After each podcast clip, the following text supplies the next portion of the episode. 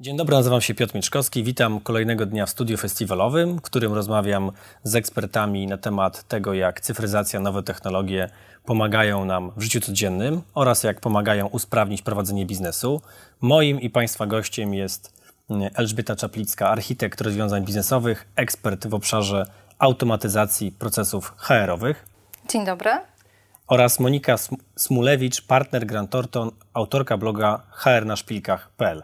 Dzień dobry.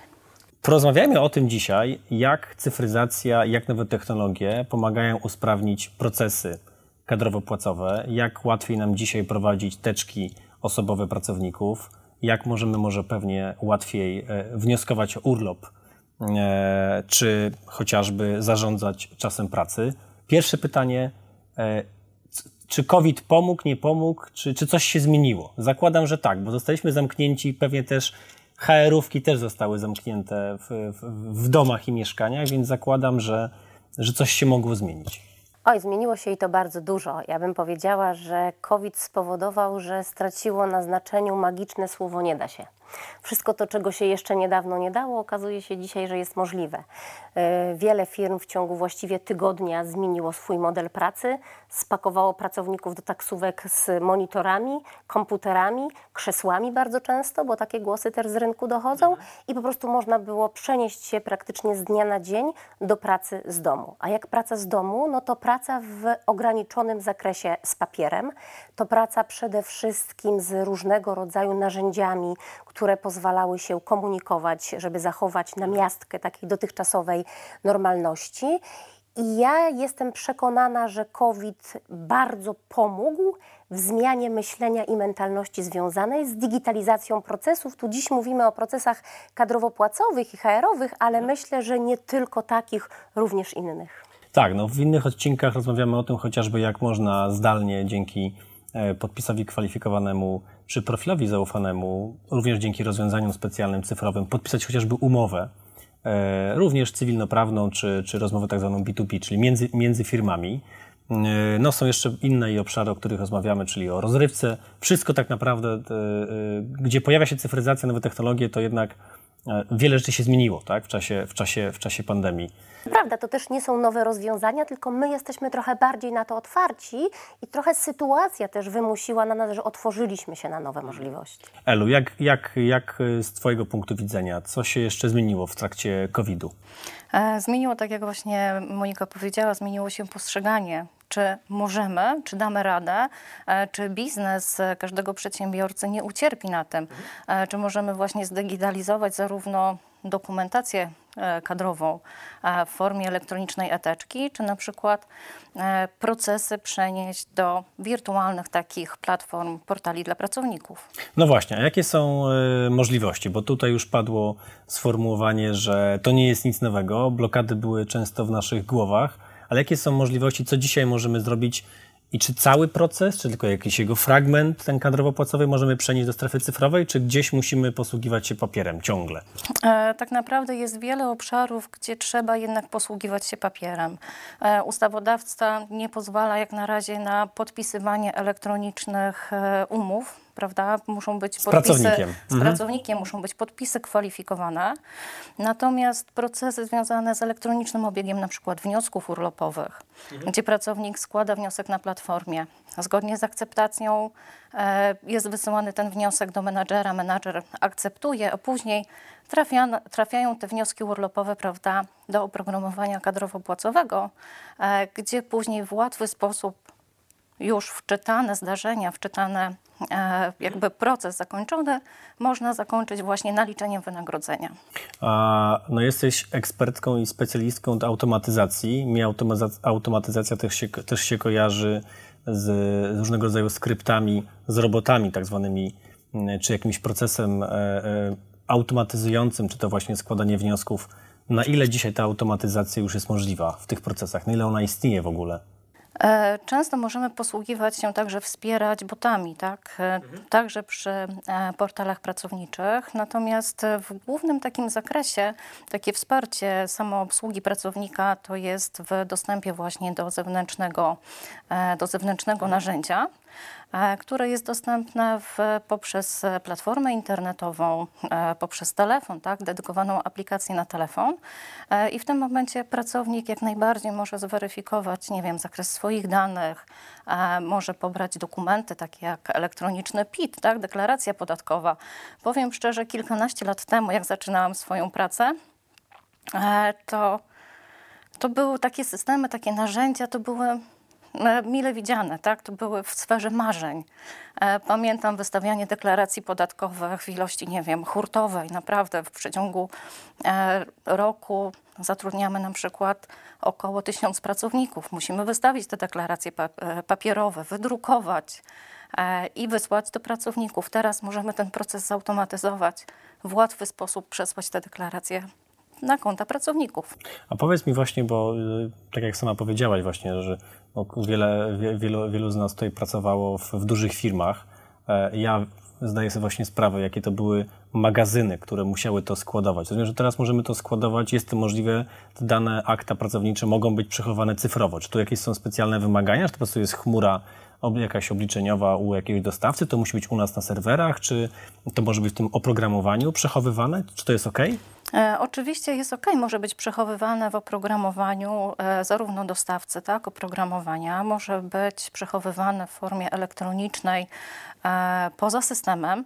Oczywiście dostęp do elektronicznych akt osobowych w systemie ułatwia zdecydowanie obsługę użytkowników działu kadrowo-płacowego. Na 100%. E, tutaj jeżeli chodzi o przepisy, to Monika zdecydowanie w tej kwestii może mnie wesprzeć. Tak, oczywiście chętnie Lucie wesprę. E, Oczywiście nie możemy też zapominać o otoczeniu takim prawnym, w którym funkcjonujemy. Od 1 stycznia 2019 roku mamy zupełnie nowe rozporządzenie o dokumentacji pracowniczej. Ono trochę wywróciło do góry nogami dotychczasowy model prowadzenia dokumentacji pracowniczej i wprowadziło też nowe możliwości, ale jednocześnie też e, za pomocą tego mm, rozporządzenia został wydłużony chociażby okres przechowywania dokumentacji. I tak, z jednej strony to pytanie, które zadałeś Eli dotyczące e, tego, czy możemy przechowywać dokumenty w formie elektronicznej. Tak, możemy. Rozporządzenie bardzo jasno to reguluje, określa zakres metadanych, które muszą być w takim systemie mm, ewidencjonowane, żeby e, dokumentacja prowadzona w formie elektronicznej, ta pracownicza, spełniała wymogi e, rozporządzenia. To jest jeden element, ale drugi bardzo ważny element jest taki, że nie możemy zapominać o tym, że dokumentacja pracownicza musi być przechowywana przez okres minimum 10 lat do tych em, stosunków pracy, które zostały zawarte od 1 stycznia 2019 roku, a do poprzednich, do wcześniejszych stosunków pracy aż 50 lat. Mało tego, właśnie, to jest bardzo, bardzo długi okres. Co prawda ustawodawca dał nam możliwość skrócenia okresu przechowywania tej dokumentacji prowadzonej przed e, 2019 roku, rokiem do 10 lat, ale pod warunkiem złożenia ton dodatkowych dokumentów do ZUS-u i nikt się tego tak naprawdę nie podejmuje, bo to ogromna praca, ale to, co dla mnie jest takim bardzo ważnym elementem i na dłuższą metę, jak ja już ponad 20 lat tą tematyką kadrowo-płacową się zajmuję, to ja powiem em, tylko jedno, że ja nie wyobrażam sobie na dłuższą metę, że działy kadrowo-płacowe będą funkcjonowały bez narzędzi, które pomogą ten proces zoptymalizować, chociażby z tego powodu, że wydłużył nam się okres przechowywania takiej dokumentacji jak wnioski urlopowe czy ewidencja czasu pracy. Do tej pory przechowywaliśmy te dokumenty 3 lata. Dziś mamy je przechowywać przez cały okres zatrudnienia i 10 lat od, os, liczonych od ostatniego dnia roku kalendarzowego, w którym ustał stosunek pracy. Więc wyobraźmy sobie firmę zatrudniającą kilkaset czy kilka tysięcy osób, razy x miesięcy, e, razy x lat, e, w których pracownik jest zatrudniony i jeszcze 10 lat po ustaniu stosunku pracy, no to jeżeli nie będziemy tego mm, digitalizować, to myślę sobie, że 2 czy 3 lata może nawet będziemy mieli problem z tym, żeby do tych pokoi, w których te wnioski urlopowe e, są magazynowane dzisiaj wejść. Dokładnie tak. Także ja uważam, że to jest trend absolutnie nieodwracalny. Absolutnie. Dziś e, organizacje dojrzałe, świadome e, ten proces e, bardzo przyspieszyły. COVID bardzo w tym pomógł. Ja widzę, co się dzieje na rynku, jak zachowują się też e, klienci, jak e, też jest do dostawców oprogramowania dużo zapytań, bo trzeba pogodzić dzisiaj te możliwości, które dała nam praca zdalna, z takim no jednak zabezpieczeniem tego procesu pod kątem legislacyjnym. Także moim zdaniem Ale właśnie, jak jest... poruszasz wątek e, legislacyjny, to najczęściej jak rozmawiam z, przedstawicieli, z przedstawicielami różnych izb, ale też i dużych podmiotów, bardzo często mowa o blokadach, czy pewnych e, no, uregulowaniach, które na coś nie, po, nie pozwalają. Już tutaj e, Ela wspomniała o tych blokadach związanych z, z podpisywaniem umów tak, e, z pracownikami. No, była tarcza, kilka wersji tych legislacji, już pomimo to, jak one Piąta były... weszła już teraz, tak, tak, tak. pomijmy to, jak one były procedowane, w jakim tempie, czy były konsultacje, czy ich nie było, ale skupmy się na tym, czy coś tu się zmieniło, czy są jeszcze jakieś blokady, czy, czy warto pod, właśnie pokazywać, że ileś rzeczy jeszcze nie jest możliwych do, do, do zrobienia. No, na pewno taką blokadą bardzo dużą do wprowadzenia takiej pełnej elektronizacji dokumentacji pracowniczej jest obowiązek posiadania podpisu kwalifikowanego. No bo dzisiaj za pomocą tego mm, profilu zaufanego, takiego na półek, który możemy sobie na stronie mm, ministerstwa założyć, możemy podpisywać, ale tylko dokumenty urzędowe. E, Do e, użytku takiego, powiedziałabym, zewnętrznego mm, e, musimy mieć jednak podpis kwalifikowany, więc to na pewno jest, jest bardzo duże ograniczenie, ale ja myślę, że właściwie nie myślę, jestem przekonana, że największe ograniczenia są w naszych głowach. No właśnie, tu już wspomniałaś, że, że, że, że wiele z tych rzeczy było możliwe wcześniej, tylko pojawiła się pandemia i nagle trzeba było już to zrobić. Tak, no jak ja sobie mm, mm, pamięcią wrócę, jak Ela tu wspomniała początki swojej pracy zawodowej, ja pamiętam pierwszą listę płac, którą liczyłam. To była taka wielka płachta, zajmowała całe biurko i się jedną, jedną listę płac wypłacało i zaczynało się liczyć kolejną, no bo cały miesiąc się to liczyło, jak było kilkaset osób na liście płac. A dzisiaj jest to zupełnie inaczej, ale wiele firm jeszcze zostało w takim modelu. No może dzisiaj listy płac już nikt nie liczy ręcznie czy na kalkulatorze, ale wiele firm na przykład ma jeszcze papierowe listy obecności, gdzie ustawodawca mówi o tym, że pracodawca ustala sposób potwierdzania przez pracownika przybycia do pracy i obecności w pracy, a my tak kurczowo trzymamy się jeszcze tych papierowych list obecności. W okresie pandemii bardzo dużym powodzeniem cieszyły się różnego rodzaju rozwiązania pod tytułem elektroniczna lista obecności, tak? E, Tutaj też wspomniałeś na początku m, kwestię dotyczącą zarządzania czasem pracy. No Ela mówiła o wnioskach urlopowych, akta osobowe, tak? Ale mamy jeszcze swoją sferę czasu pracy, prawda Ela? Tak, dodatkowe takie narzędzia związane z ustalaniem harmonogramów dla pracowników, gdzie te dane później przenoszą się bezpośrednio do systemów kadrowo-płacowych. To jest niesamowite wsparcie zarówno dla pracowników, menadżerów, jak i dla osób e, pracujących właśnie w działach kadr i płac, naliczających wynagrodzenie. To jedna rzecz, Ela, ale też my tutaj mówimy tak w kontekście działów HR-owych, kadrowo-płacowych, pracodawców, ale ja myślę, że warto, żebyśmy też jeszcze trochę powiedzieli, bo być może Państwo, którzy nas oglądają, nie są ani przedstawicielami działów kadr, ani HR, ani przedsiębiorcami, ale są pracownikami. Myślę, że większość. Właśnie.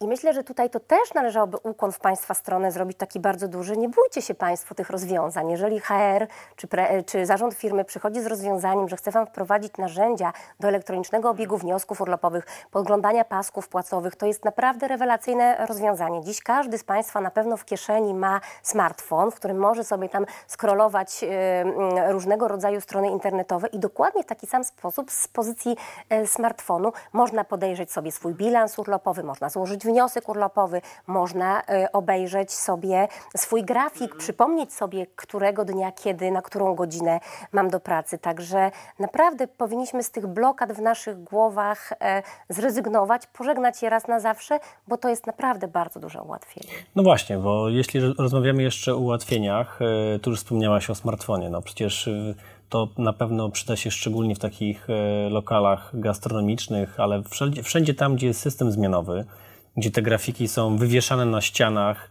e, tudzież e, niektórzy wiem, że radzili sobie historycznie w ten sposób, że robili zdjęcie tego grafiku i rozsyłali swoim pracownikom, kiedy mogliby się pojawić, prawda? Ale co jeszcze nowego mamy tutaj według Ciebie, Elu? Co się pojawia wśród, wśród rozwiązań? Gdzie możemy jeszcze skorzystać? E, Takim bardzo ciekawym obszarem jest oczywiście też obszar szkoleń, e, gdzie możemy wprowadzać e, nowych pracowników, tworzyć takie ścieżki nawet onboardingowe. I w łatwy sposób nowi pracownicy właśnie mogą zapoznać się z, czy z procedurami obowiązującymi w danej organizacji, tak? I ten start jest zdecydowanie o wiele fajniejszy. Czy to są szkolenia e-learningowe na przykład, gdzie z każdego miejsca, tak naprawdę, z domu, bezpiecznie sobie siedząc, pracując, e, możemy podnosić swoje zarówno kwalifikacje, tak, bo możemy się uczyć nowych rzeczy, e, albo też e, korzystać z szkoleń, które nam e, tutaj pracodawca prawda, dostarcza. No właśnie, Obszar szkolenia- rekrutacji też jest bardzo ważny. E, Mamy e, systemy, które e, pozwalają zarówno zarządzać całym procesem, e, jak i zbierać, archi- archiwizować dane, e, kontaktować się z kandydatami e, w tym systemie ATS, tak, e, gdzie jak kandydat zaaplikuje prawda, na daną rekrutację w naszej organizacji, e, dalej poprzez e, przechodzenie pomiędzy poszczególnymi etapami, e, to CV jest e, w bazie danych, prawda? Każdy ma do niej dostęp, możemy w bardzo łatwy sposób oceniać wspólnie, prawda? Mając dostęp do jednego systemu. Te dane znajdują się w jednym miejscu. Tak, rozwój, tak, rozwój zarządzania szkoleniami, zarządzania talentami, ocenami pracowniczymi. Naprawdę dziś ten proces kadrowo-płacowy, he- szeroko pojęty HR-owy za pomocą różnego rodzaju rozwiązań informatycznych można doskonale z- zoptymalizować. I, I to, jest, I to jest właśnie świetna puenta, bo właśnie chciałem się zwrócić do naszych widzów i powiedzieć, że e, ja zostałem całkowicie przekonany do korzystania z najnowszych rozwiązań. E, szczególnie polecamy te rozwiązania małym, średnim firmom, aby nie bały się korzystać e, z systemów informatycznych e, i z całego dobrodziejstwa, jakie można wykorzystać również również, bo, bo roz- rozmawialiśmy również o innych przypadkach, ale szczególnie w, w systemach kadrowo-płacowych. Zwracam też się do pracowników, aby zachęcać swoich pracodawców, e, aby przechodzili na systemy cyfrowe, bo możemy sobie zdalnie podglądać wiele rzeczy, składać wnioski urlopowe, ale też po- podejrzeć nasz e, e, pasek płacowy. Po więcej informacji zachęcam na stronę Festiwalu Cyfryzacji festiwalcyfryzacji.pl. E, A moim i Państwa gościem była Elżbieta Czaplicka, architekt rozwiązań biznesowych, ekspert w obszarze automatyzacji e, procesów HR. Dziękuję za rozmowę. Dziękuję bardzo. E, I Monika Smulewicz, partner Grant Thornton, autorka bloga hrnaszpilkach.pl. Dziękuję. Dziękuję za rozmowę.